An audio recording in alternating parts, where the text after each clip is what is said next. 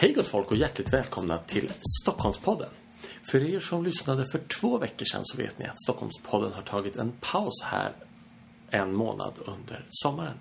Men för att det ändå ska komma ut nya avsnitt så släppte vi för två veckor sedan en ny version av det första avsnittet av Stockholmspodden, det vill säga samtalet med Ingvar Carlsson, den före detta socialdemokratiska statsministern. Och nu gör vi det igen. Tanken är helt enkelt att vi släpper en ny version eller ett nytt avsnitt av samtalet med före detta statsminister Carl Bildt. Det känns ju extra bra att, att släppa de här två avsnitten så att säga vägg i vägg eller i, i ordning med tanke på att de båda var kombatanter under sin tid när de var statsministrar. Om du inte har hört samtalet med Ingvar, med Ingvar Carlsson så tycker jag att du ska lyssna på avsnittet som släpptes för två veckor sedan. Och har du inte hört avsnittet med Carl Bildt så ska du fortsätta lyssna. Det är inspelat hösten 2017 och där får du svar på varför hans bok hette Hallänning, svensk europé och inte stockholmare, svensk europé trots att Carl Bildt har bott i Stockholm stora delar av sitt liv. Vi hör honom också resonera kring för och nackdelar med Halmstad och Stockholm. Dessutom, för er som är intresserade av svensk konstitution får ni höra en liten exposé kopplat till misstroendeförklaringar samt hur Carl Bildt själv arbetade med att få till en misstroendeförklaring mot den gamla utrikesministern Bodström på 80-talet. Slutligen så får ni höra Carl Bildts åsikter kopplat till migration, arbetskraftsinvandring och invandring och dessutom ett antal viktiga reflektioner kring vår huvudstad. Så, har du inte hört avsnittet med Carl Bildt, lyssna nu.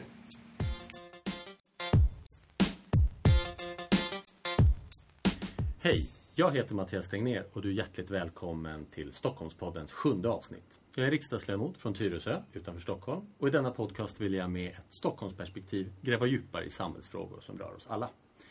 Idag ska jag samtala med Carl Bildt, riksdagsledamot, statsminister, utrikesminister men också fredsmäklare och styrelseproffs. Bildt har också gett ut ett antal böcker såsom Hallänning, svensk europé, Uppdrag fred och Uppdrag Europa. Det är tveksamt om Carl Bildt behöver en ytterligare presentation men jag tänker ändå att vi eh, kastar, över, kastar oss över samtalet med att börja med en liten faktaruta.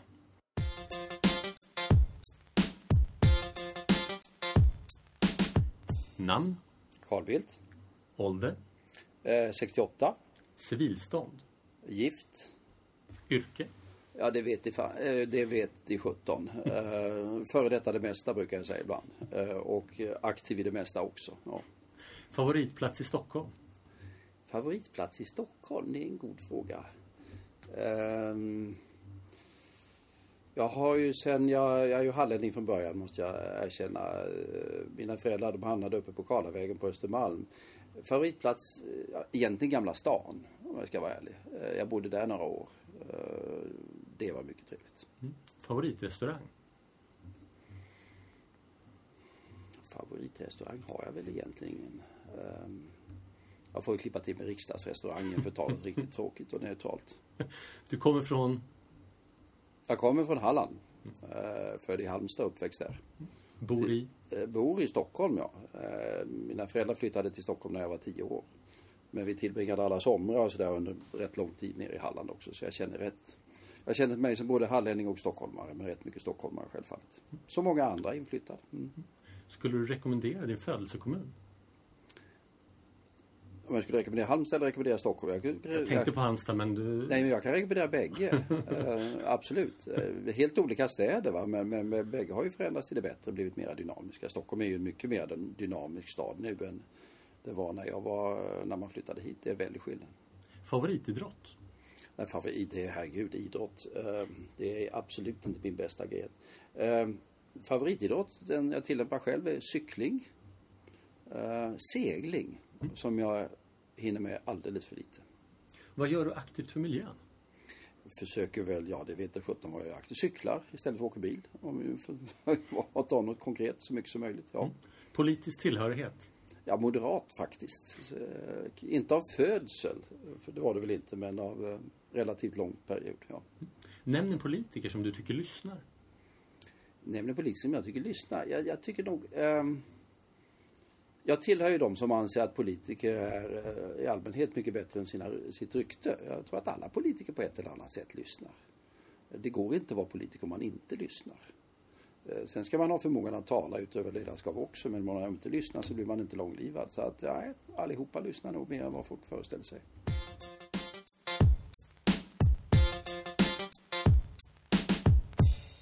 Hej Carl Bildt, hur är läget? Utomordentligt, även om det blivit lite mycket höst i luften idag för min smak. Vad kul att du har tid för det här samtalet som är tänkt att handla om dig, din relation till Stockholm samt dina år som statsminister och dina år med internationella uppdrag. Men först, nu när vi spelar in det här avsnittet så är det mindre än en vecka sedan som Anna Kinberg Batra lämnade som partiledare för Moderaterna. Eller sa att hon skulle lämna. Du Om vi nu ska vara alldeles korrekta. Ja, men det, korrekta. Ja. ja. Och ditt namn nämns som tänkt efterträdare. Hur tänker du kring det? Ja, det är ju eh, en blandning av smickrande och märkligt. Eh, jag blev partiordförande för Moderaterna för 31 år sedan, jag räknade ut häromdagen. Och sen var jag partiordförande i 13 år, rätt lång tid. Och sen avgick jag, vilket är nästan två decennier sedan. Så det är ju eh, smickrande att man fortfarande förekommer i spekulationerna, men någon aktualitet har det inte. Av naturliga skäl så är det en av de stående temana, om vi, om vi lämnar då eh, spekulationerna kring ditt namn och partiledarposten, så är ju en av de stående temana i den här podden just Stockholm. Och du, som du nämnde själv, bott väldigt länge i Stockholm och vistats här en stor del av ditt liv. Borde inte din bok som, som hette Hallänning, svensk, europé ha hetat Stockholmare, svensk, europé? Nej, det borde den inte. Den kunde ha gjort om jag hade varit född i Stockholm. För att eh, hela poängen med den titeln var ju att visa att eh, man, kan ha, man kan ha olika identiteter. Eh, du kan vara hallänning och vara stolt över det. Du kan vara svensk och vara stolt över det. Du kan vara europé över det, stolt över det. Man kan till och med vara världsmedborgare om man liksom drar detta. Så det var en poäng jag försökte märka, gö- göra. Ehm, sen stockholmare, ja det kan man också vara stolt över. Men jag råkar vara född i Halland. Eh, och det var där det började. Ja, absolut. Absolut. Men om vi ska gräva lite djupare i din, i din eh, relation till Stockholm. För du nämnde det ju själv i, i absolut. snabbfrågan att Ja, många, de flesta stockholmare har ju flyttat, flyttat hit. Väldigt många eh, är det ju så. Eh, och går man liksom en generation ytterligare tillbaka så blir det väl en majoritet, skulle jag kunna tänka mig, som är på ett eller annat sätt inflyttade. Jag kommer ihåg då, om vi går tillbaka i tiden till så 60 och 70-talet, så var det ju en, eh, då var jag väldigt ung va, men det var det ju en, den stora utflyttningen från framförallt Norrland va, eh, som kom. Eh, stora mekaniseringen av skogsbruket och förändringarna där uppe som in, det var betydande förändringar. Jordbruket mekaniserades i stora delar av landet. Vi fick inflyttningen, vi fick så att säga de stora betongförorterna. Ehm, så att det är, ja, det är en inflyttningsstad. Och för närvarande har vi en situation där Stockholm växer ju snabbast av Europas huvudstäder egentligen. Och visst var det så? Du gick både på gymnasiet här och sen studerade på universitetet eller högskolan Ja. här? Sådär. Okej. Men dock, ja. Vad, vad skulle du säga var det bästa med att, att växa upp eh, i Stockholm? Eller att i alla fall bli vuxen i Stockholm? Staden har ju alltid en fascination. Landsbygden har sin eh, speciella prägel också va. Men staden har ju en mångfald eh, Eh, som, eh, som är stimulerande. Det är därför städer växer i hela världen. Och det är därför städer liksom attraherar unga människor, attraherar kreativitet. Och det är klart att det får du lite mera. Med all respekt för Halmstad så är det inte riktigt samma med ett globala metropol. Inte för att Stockholm kanske är en global metropol, men i alla fall lite mer av detta. Du får lite mer av eh, känsla av detta. Så mångfalden. Eh, sen är det ju en vacker och trevlig stad. Eh, vattnet och kombinationen av olika saker, historiska miljöer. Det var faktiskt min, min nästa fråga. För du nämnde att en av dina favoritsporter var att segla men att du inte gjorde det så mycket. Ja. Hur mycket har du seglat i Stockholms skärgård? Och jag har seglat en del i Stockholms skärgård, men inte så mycket under senare år har man inte hunnit med. Men, men, men det har jag gjort. Seglat mycket i Stockholms skärgård och jag hade en lång period då jag tillsammans med några kompisar, vi seglade, kappseglade Gotland runt under 10-15 år eller något sånt där. Ehm, nej, det var kul. Har du sett några ubåtar? Jag har sett ubåtar, absolut. Jag har Men- sett många ubåtar. Men inga ryska ubåtar Inga ryska ubåtar, men jag har sett svenska ubåtar och en hel del andra också, ub- ubåtar också. Ja, det vet jag inte om jag har sett några ryska ubåtar, jag tror inte det. Sovjetiska. Ja, du har helt rätt. Ja. Men vi- visst var det, apropå misstroendeförklaringar, en av de första misstroendeförklaringarna som du eh, som i alla fall eh, ex, liksom, som fördes under din tid som riksdagsledamot. Eh, Ja. Just i förhållande till Bodström var det väl? Just det. Om Ja, man det. trodde på jag kommer inte ihåg hur den utformades, men om man trodde på sovjetiska ubåtar i skärgården. Ja, eller rättare sagt, alltså det var ju, han var utrikesminister på den tiden som bekant och Palme var statsminister och regeringen hade avgett en rätt skarp diplomatisk not gentemot Sovjetunionen. Och då hade han som utrikesminister suttit på en eh, middag med journalister sa att han riktigt, inte riktigt trodde på vad som var regeringens politik. Och det ska inte utrikesministrar göra. Eh, sen förnekade han ju intensivt att han hade sagt detta. Sedermera skrev han ju memoarer och sa att han hade sagt det. Eh, Men det eh, så var det. Nej, han, han, han eh, och det är klart det försvagade i någon utsträckning eh, regeringens agerande. Just när vi pratar misstroendeförklaringar så har det blivit väldigt politiskt aktuellt. Ja. Har du någon, några tankar kring det? Inte utifrån exakt vad som händer just nu utan mer konstitutionellt och misstroendeförklaringens roll i, i, vår, i vår konstitution. Det är ju ett instrument som vi fick in i författningen i samband med, ja det är möjligt att det fanns tidigare, det vet jag faktiskt inte, men det kom ju in i samband med nya författningen egentligen. Um, och det finns ju två olika typer av misstroendeförklaringar. Dels har du mot enskilt statsråd när det är någonting som är fel. Um, och uh, sedan kan du rikta misstroendeförklaring mot statsministern, det vill säga då i praktiken gentemot hela regeringen. Som statsminister kan svara på antingen genom att avgå eller att utlysa nyval. Så det är ett instrument som vi inte hade tidigare i författningen. Det har väl aldrig, eh, tror jag, utnyttjats eh, vad jag kan påminna mig mot statsministern. Men enskilda statsråd, ja, det, det, det, det har förekommit. Mm. Mm. Spännande. Om vi ändå har ramlat in lite i dagsaktuell politik. Om, om man får säga att du ändå förhoppningsvis har lite mer perspektiv på, på politiken än när du befann dig mitt i den. Vad skulle du säga är den viktigaste frågan för, för Sverige just nu i ditt tycke? Den viktigaste frågan, alltså jag gjorde den här reflektionen i samband med en annan intervju som jag hade häromdagen. Man tittar tillbaka på slutet av 80-talet, början av 90-talet när jag var då partiledare och statsminister. Det var en väldigt turbulent tid på alla möjliga sätt. Eh, ekonomiskt, utrikespolitiskt. Eh, det var krishantering på löpande band eh, av olika slag. Jämfört med det är vi i en tämligen idyllisk tid. Men den stora utmaningen vi har är framförallt så att säga, integrationen av invandrare. Det vill säga den våg som vi fick framförallt 2015. Som hade ju en storleksordning som var en bra bit, dubbelt så stor egentligen. Som det vi hade i början på 90-talet. Och eh, där är vi inte tillräckligt bra i Sverige. Om man rör sig tillbaka till temat för den här podden, Stockholm. Vilken tycker du är den enskilt viktigaste frågan för Stockholm för att vara den metropolen som du pratade om tidigare? Den viktigaste frågan är ju då eh, kompetensförsörjningen och det finns olika aspekter på detta. Um, om vi tittar på näringslivet i Stockholm, IT-sektorn och sånt där som jag har sysslat mycket med, så växer det ju. Uh, skulle kunna växa ännu bättre. Begränsas av två faktorer. Ett, att man inte får tag på folk.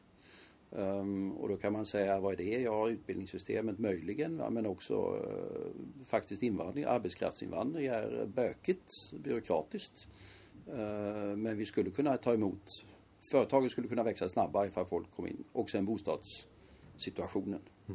Uh, som, uh, som är svår. Det finns bostäder med dem och det byggs ju nu lite mera. Men det, det är dyrt och det är komplicerat. Du som eh, i alla fall i mitt tycke är en, en eh, stark påhejare av eh, Europatanken och EU. EU jobbar ju med ett blåkortssystem just nu. Tror du att det kan lösa eh, någonting kopplat till det här eller är det en ren svensk fråga? Jag hoppas att det kan lösa del av det, men det är ju en svensk fråga till, till, till stor del. Va? Det handlar om svenska lagstiftningen. Och vi har ju, alltså, traditionellt har ju Sverige haft en mycket generös flyktinginvandring men en mycket restriktiv arbetskraftsinvandring. Eh, Åtskilliga länder är precis tvärtom. Eh, sen har vi väl rört oss i en lite bättre balans men, men jag tycker det finns mer att göra när det gäller arbetskraftsinvandringen faktiskt. För vi, vi, tittar man på det svenska näringslivet så skriker de efter folk just nu. Det är positivt att så är fallet. Eh, men det enstaka största yrket i Stockholm idag är programmerare. Eh, och ändå har vi inte tillräckligt av, av dem. Du nämnde även bostäder. Vad tror du är eh, nyckeln till eh, att få en mer fungerande bostadsmarknad i Stockholm? Bostadspolitik har aldrig varit min allra bästa gren men nej, vi har en för reglerad hyresmarknad. Jag tror att Assa Lindbeck som gjorde sig berömd genom att säga att hyresreglering är det näst bombning näst bästa sättet att förstöra en stad.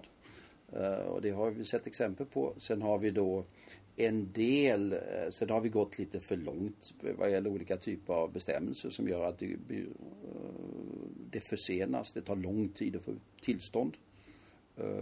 Och det vi bygger blir något dyrare än vad det skulle ha blivit annars. Jag hade Marie Linde som ordförande för Hyresgästföreningen Ja, hon som gäst. Hon tyckte inte så. Hon tyckte tvärtom. Ja, hon tyckte tvärtom. Ja, jag kan tänka mig Ja. det. Vill hon ha mera regleringar eller?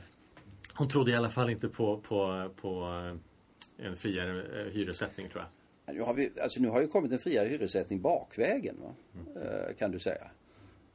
Genom att bostadsrättsmarknaden har detonerat. Eh, och det blir sätt, då kommer det bakvägen på ett sätt. Men det är ju inte riktigt bra. Som det är.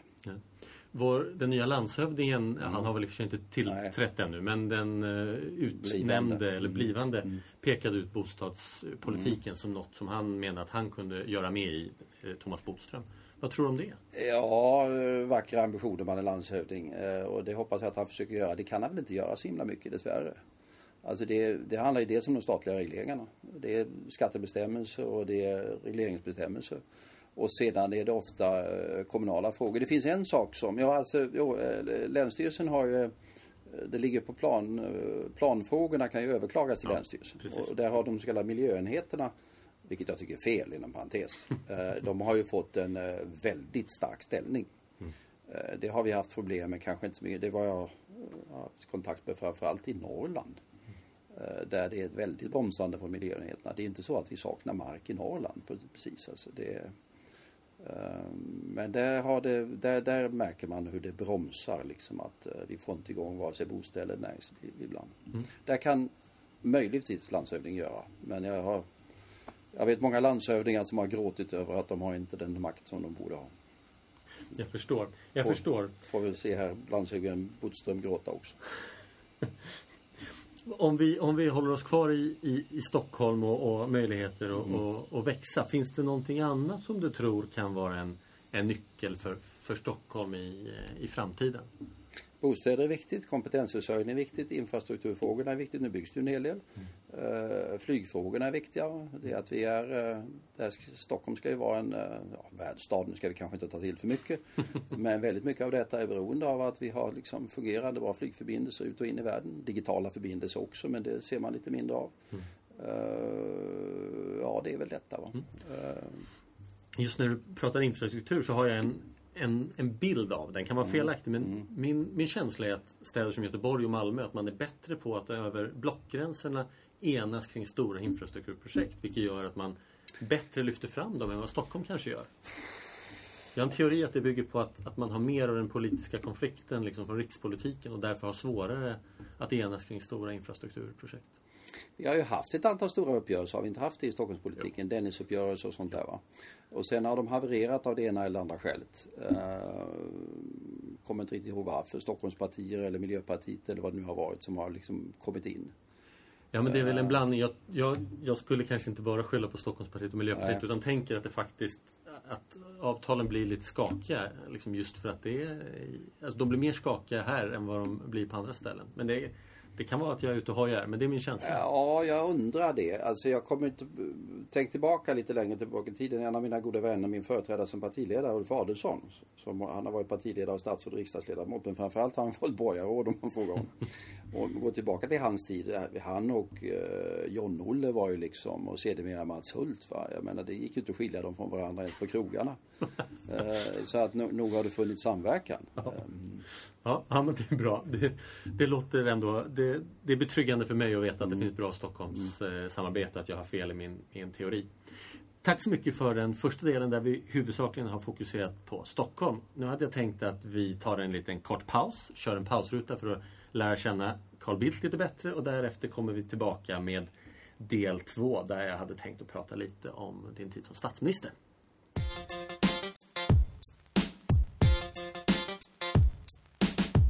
Favoritstockholmare? Favoritstockholmare. Vem ska det vara? Du menar det ska vara någon aktuell person eller? Ja, fria tyglar. Den som har tolkat Stockholm bra är väl Lasse Berghagen egentligen va? I musik som jag tror slår an till många människor. Favoritmaträtt? Ja, alltså eh, stekt strömming. Favoritgata?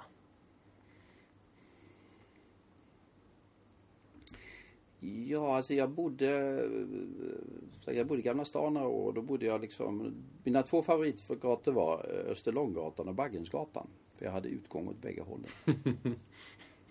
Favoritmuseum? Favoritmuseum? eh, Ja, vilket är favoritmuseum? Eh, Vasamuseet är ju, en, det är ju ett av Europas bästa museer. Tveklöst så. Så att Sen var det länge sedan jag var på Medeltidsmuseet. Det sägs att de har renoverat detta. Jag har inte sett det men eh, det tyckte jag var mycket bra också. Favoritbar? Favoritbar? Inte sjutton går jag på barer. Ingen aning. Favoritstad? Näst efter Stockholm då förstås. Usch. Alltså det vet jag inte. Jag rör mig runt i världen rätt mycket. Och jag får ofta när jag frågar om jag har favoritländer och favoritstäder. Det har jag inte. Det är väldigt många som är trevliga. Eh, måste jag säga. Um, ta någon, um, finns många trevliga städer i Östersjöområdet. Vilnius är mycket trevligt för bara att klippa till med någonting som ligger lite utanför det normala.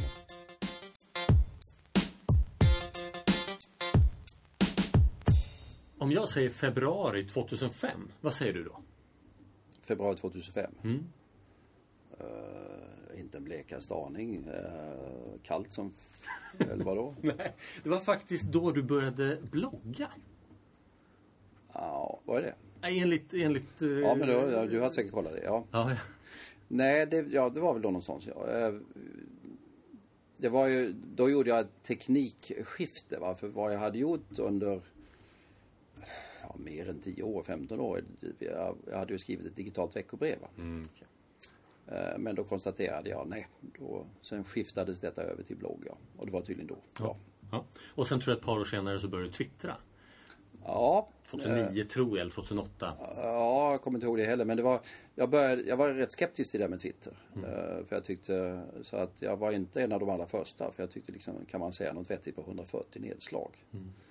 Eh, Men det lärde jag mig att det kunde man. Och du kan bilägga grejer och sånt. Så det har, jag fortsätter både att skriva blogg och Twitter för övrigt. Ja men det var lite dit jag skulle komma. Det är väl få Mm. politiker som har lyckats så väl, i alla fall i en svensk kontext, som du har gjort. Både Mm. med, med, med blogg och med, med Twitter. Hur Ja, kopplar du ihop det med ditt politiska uppdrag? Det är ju inte så många som har försökt heller. Så, här, så att det, det, konkurrensen har inte varit mördande, det kan man inte påstå. Eh, Den, den digitala mognaden i svensk i riksdagen lämnar en del övrigt att önska tycker jag. Ehm, nej, ja, men jag tycker inte det där är så svårt i och för sig. Eh, Men det är klart det blir en vana, man, man, man lever med det.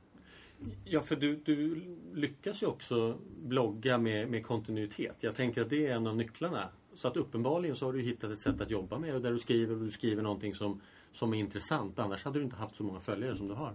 Nej, nu vet man inte riktigt hur många, eller jag mäter inte hur många jag har på bloggen men det, det är rätt mycket.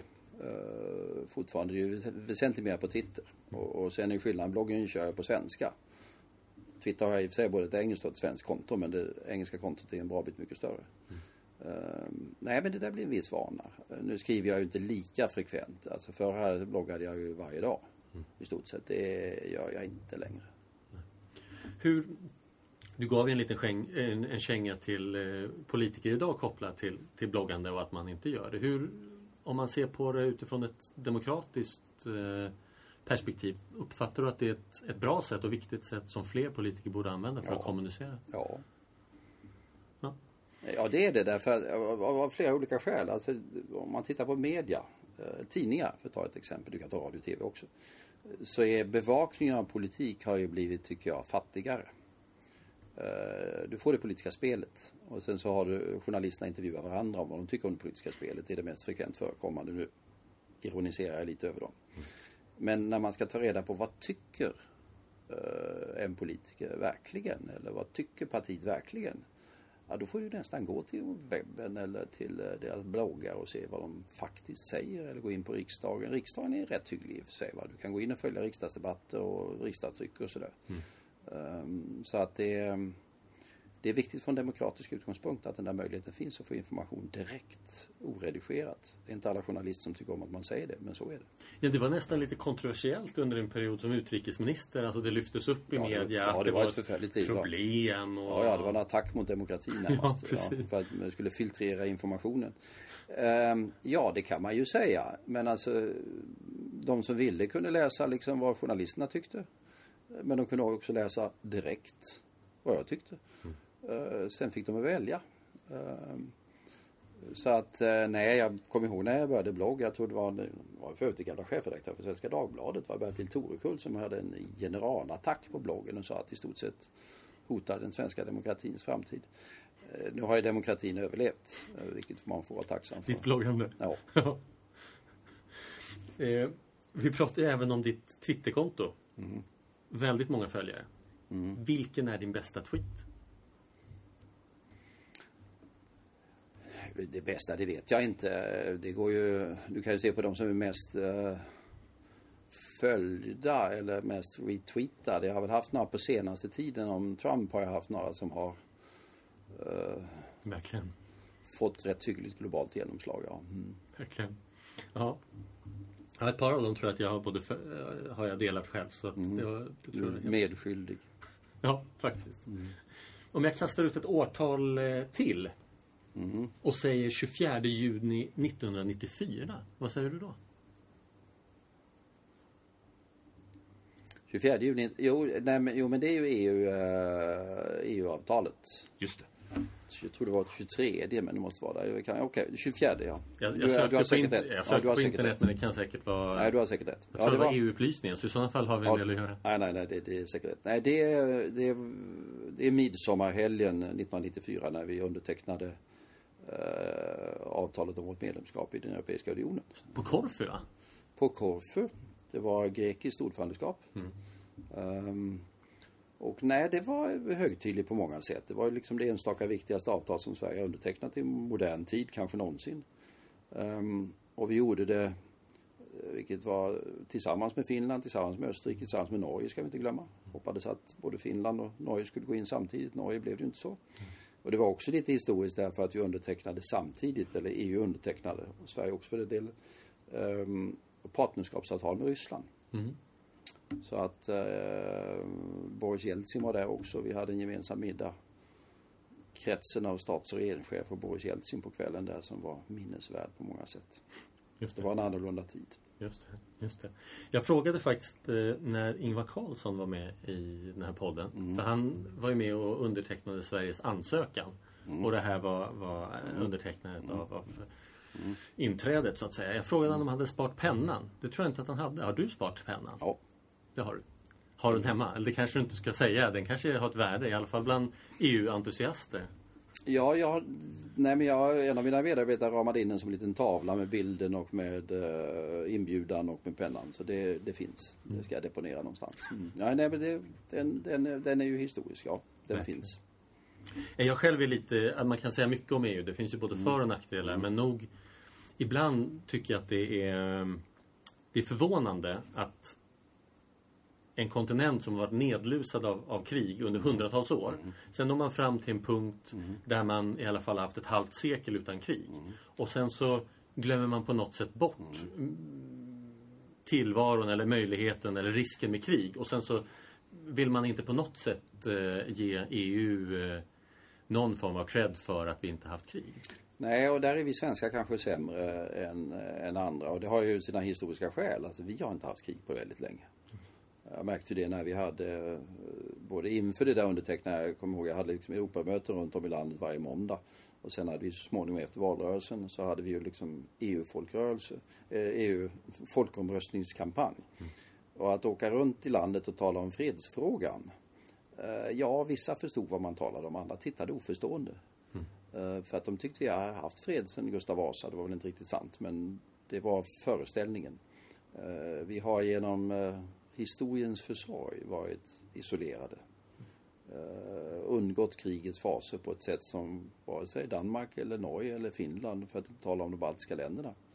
Eh, Och därmed har vi blev lite isolerade från de europeiska strömningarna. Men det är du har alldeles rätt. Vi ska inte Vi ska inte underskatta den enorma eh, fördel detta är och att vi med alla de problem som vi har för ögonblicket i alla fall har lyckats förankra hygglig demokrati och fungerande rättssamhälle mer eller mindre. Mm. I eh, tio länder i Öst och Centraleuropa, hundra miljoner människor som levde under det sovjetiska förtrycket under mer än en generation. Mm.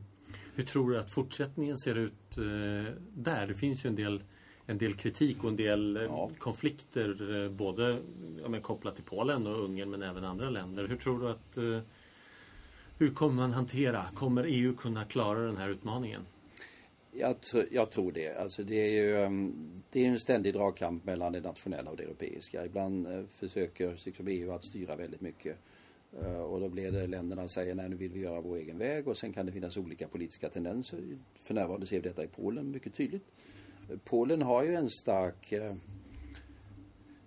nationalkonservativ, nästan klerikalkonservativ tradition. Det var ju det som gör att kommunisterna lyckas aldrig riktigt kontrollera Polen. Eh, katolska kyrkan som inte tillhörde den mera progressiva delen av katolska kyrkan gick inte att knäcka i Polen och det, det ser vi fortfarande. Men samtidigt så ser vi hur Polen har förvandlats under de här eh, 15 åren eller sådär va. Det är ju ett eh, det urbana Polen är ju ett modernt europeiskt Polen.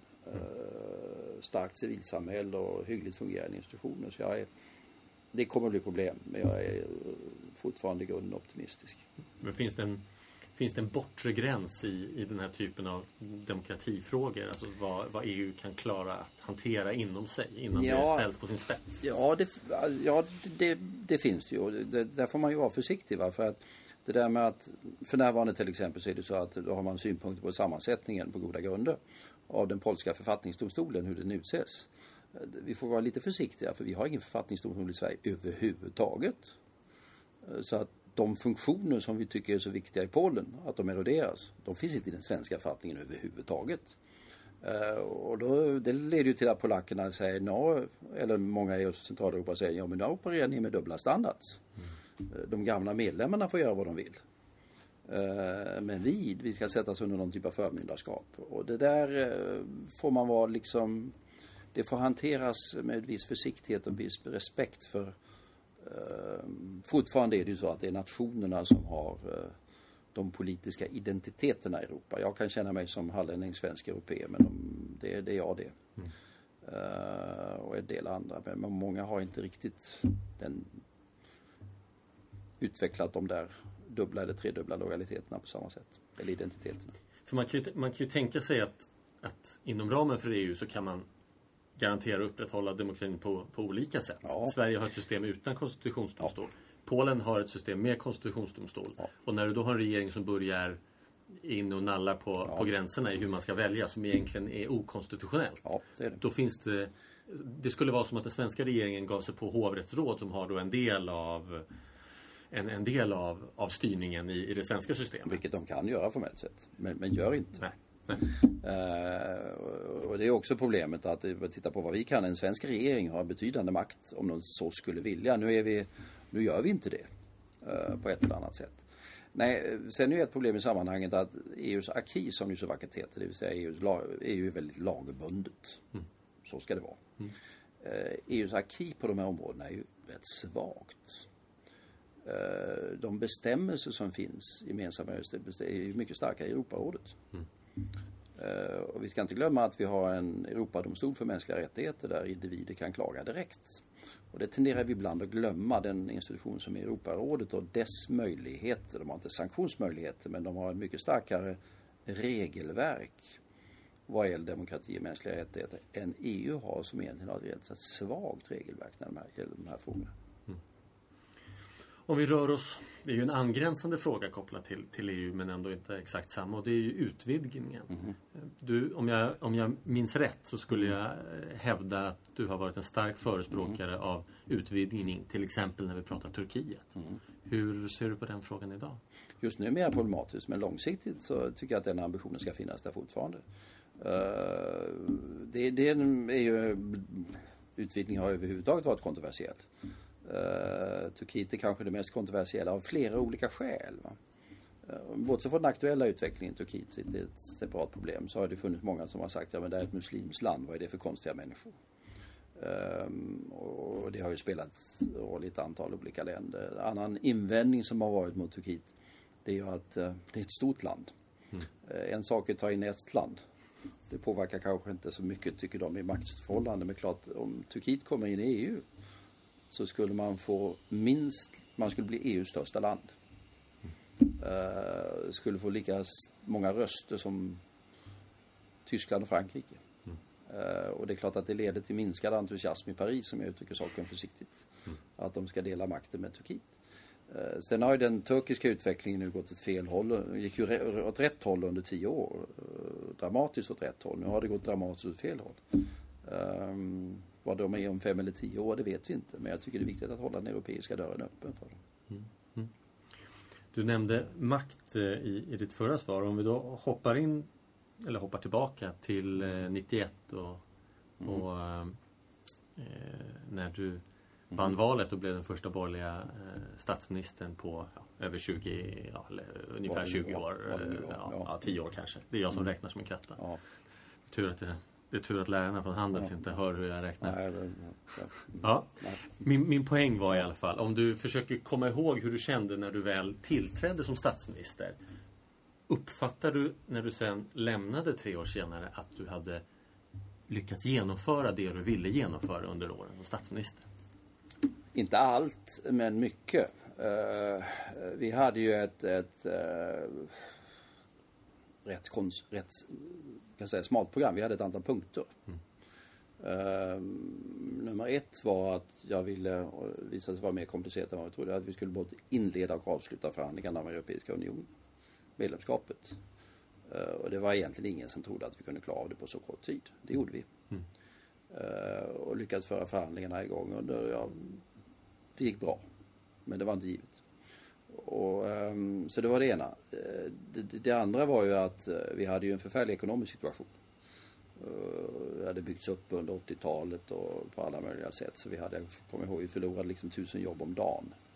Under det första halvåret, eller det hade ju börjat hösten innan. Så det, det bara föll rakt ner och det sammanföll ju med den stora europeiska monetära krisen. Um, och det hade ju sina tumultartade aspekter. Inte minst mot bakgrund av att vi hade en parlamentarisk situation som var ännu mycket svårare än vad det är idag. Eh, vilket inte säger så lite. Ehm, men det var ju så att när vi lämnade, överlämnade, förlorade valet 94 så var ju ekonomin på väg upp kraftfullt.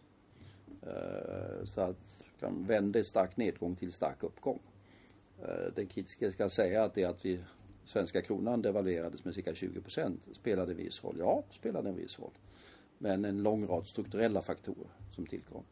Sen gjorde vi en del eh, på, på, rätt mycket avregleringar och sånt där som genomfördes, vilket var betydelse för teleutvecklingen och datautvecklingen så småningom. Um, en ofta bortglömd reform som var ju väldigt stor var pensionssystemet. Mm. Uh, ATP, jag vill inte påstå att ATP höll på att rasa samman. Det, det, men det skulle ha rasat samman.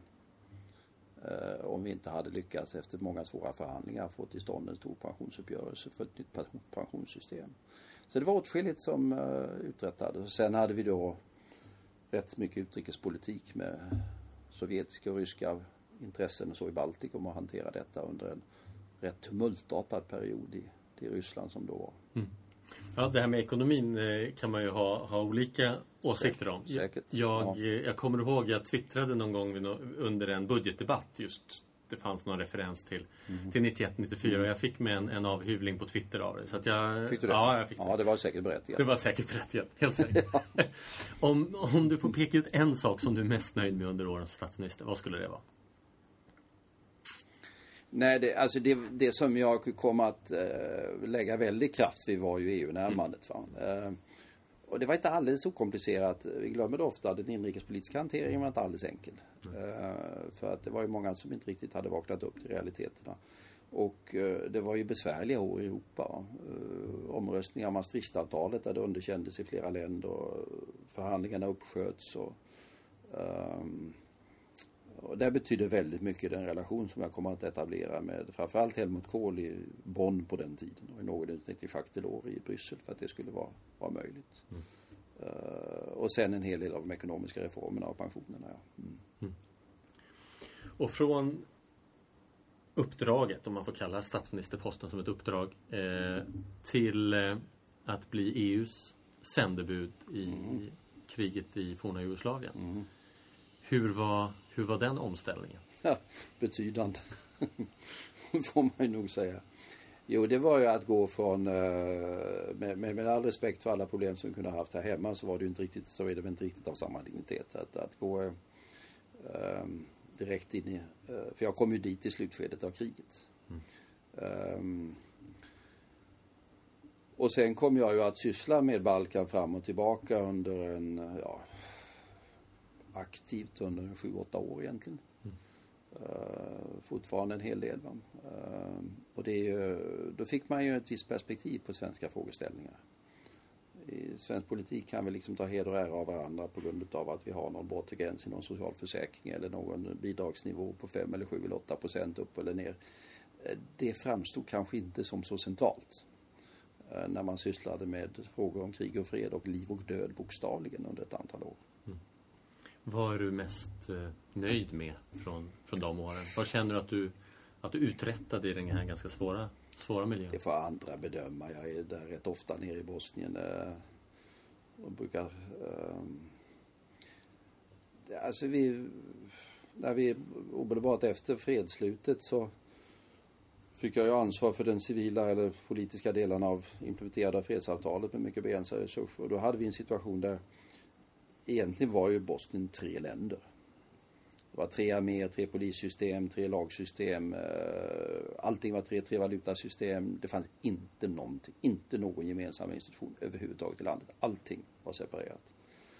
Och när jag lämnade två eller två och ett halvt år senare så hade vi vi hade, om jag säger att vi hade en regering som började fungera så var det väl en lögn i stort sett. Men vi hade en regering som hade förutsättningar för att börja fungera. Vi hade fått gemensamt valutasystem. Vi hade fått igenom um, en stor fråga, framstår som löjligt från svensk utgångspunkt, var eh, bilregistrering. Okej. Okay. Ja, av den enkla anledningen att när du hade liksom, när du såg på skyltarna om det var en serb eller en muslim eller en kroat så kunde ju en serbisk bil inte köra in i ett muslimskt område eller tvärtom. För de blev attackerade. Va? Så att det, hela rörelsefriheten och integrationen av landet hängde på detta.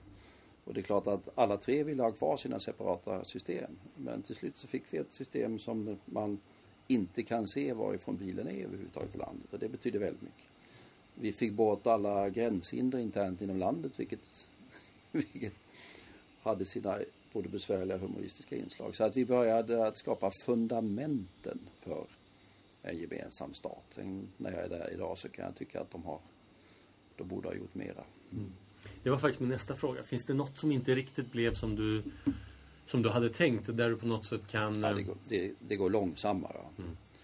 Uh, och det gäller både i Bosnien och på andra ställen. Det, det går väsentligt långsammare. Och det, det har att göra med att uh,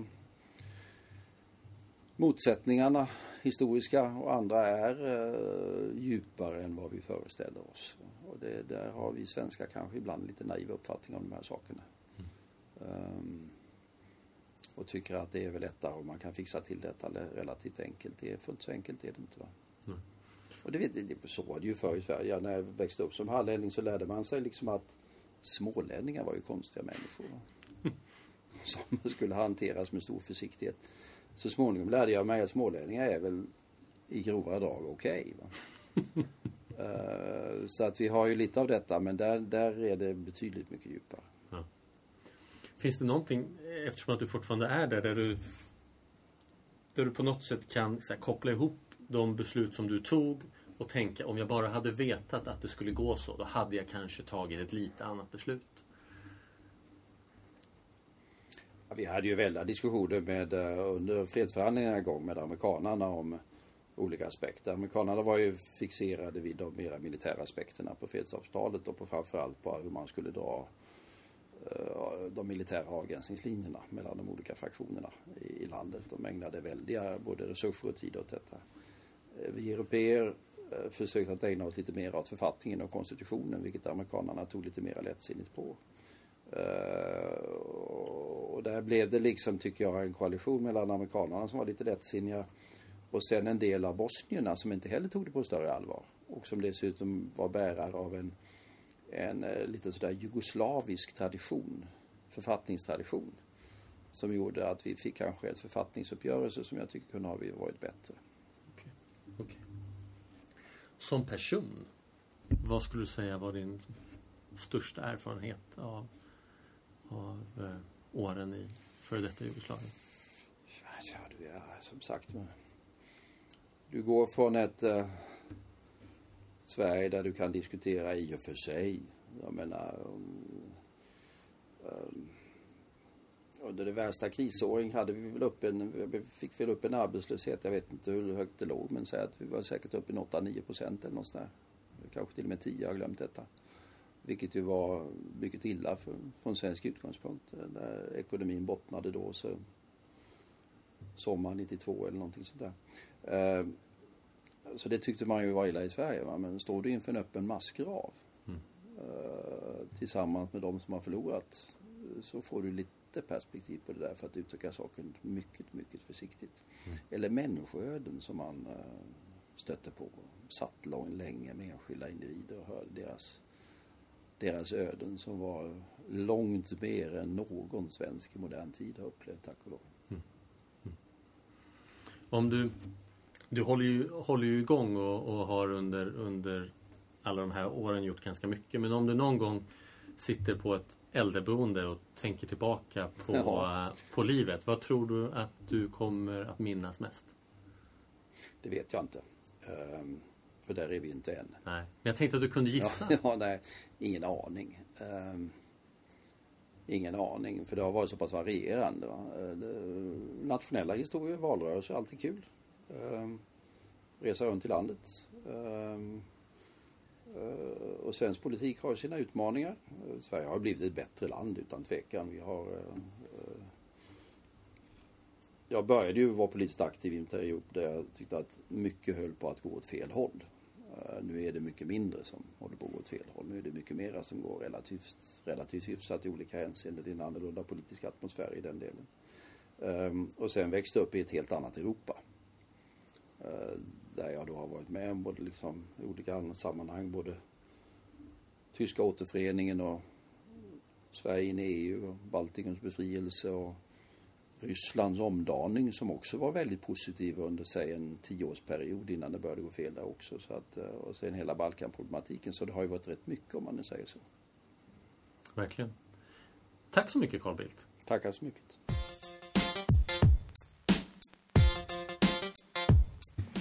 Ja, det var allt för den här nyinspelningen, eller nyutgivningen kanske jag ska säga, av avsnittet med Carl Bildt.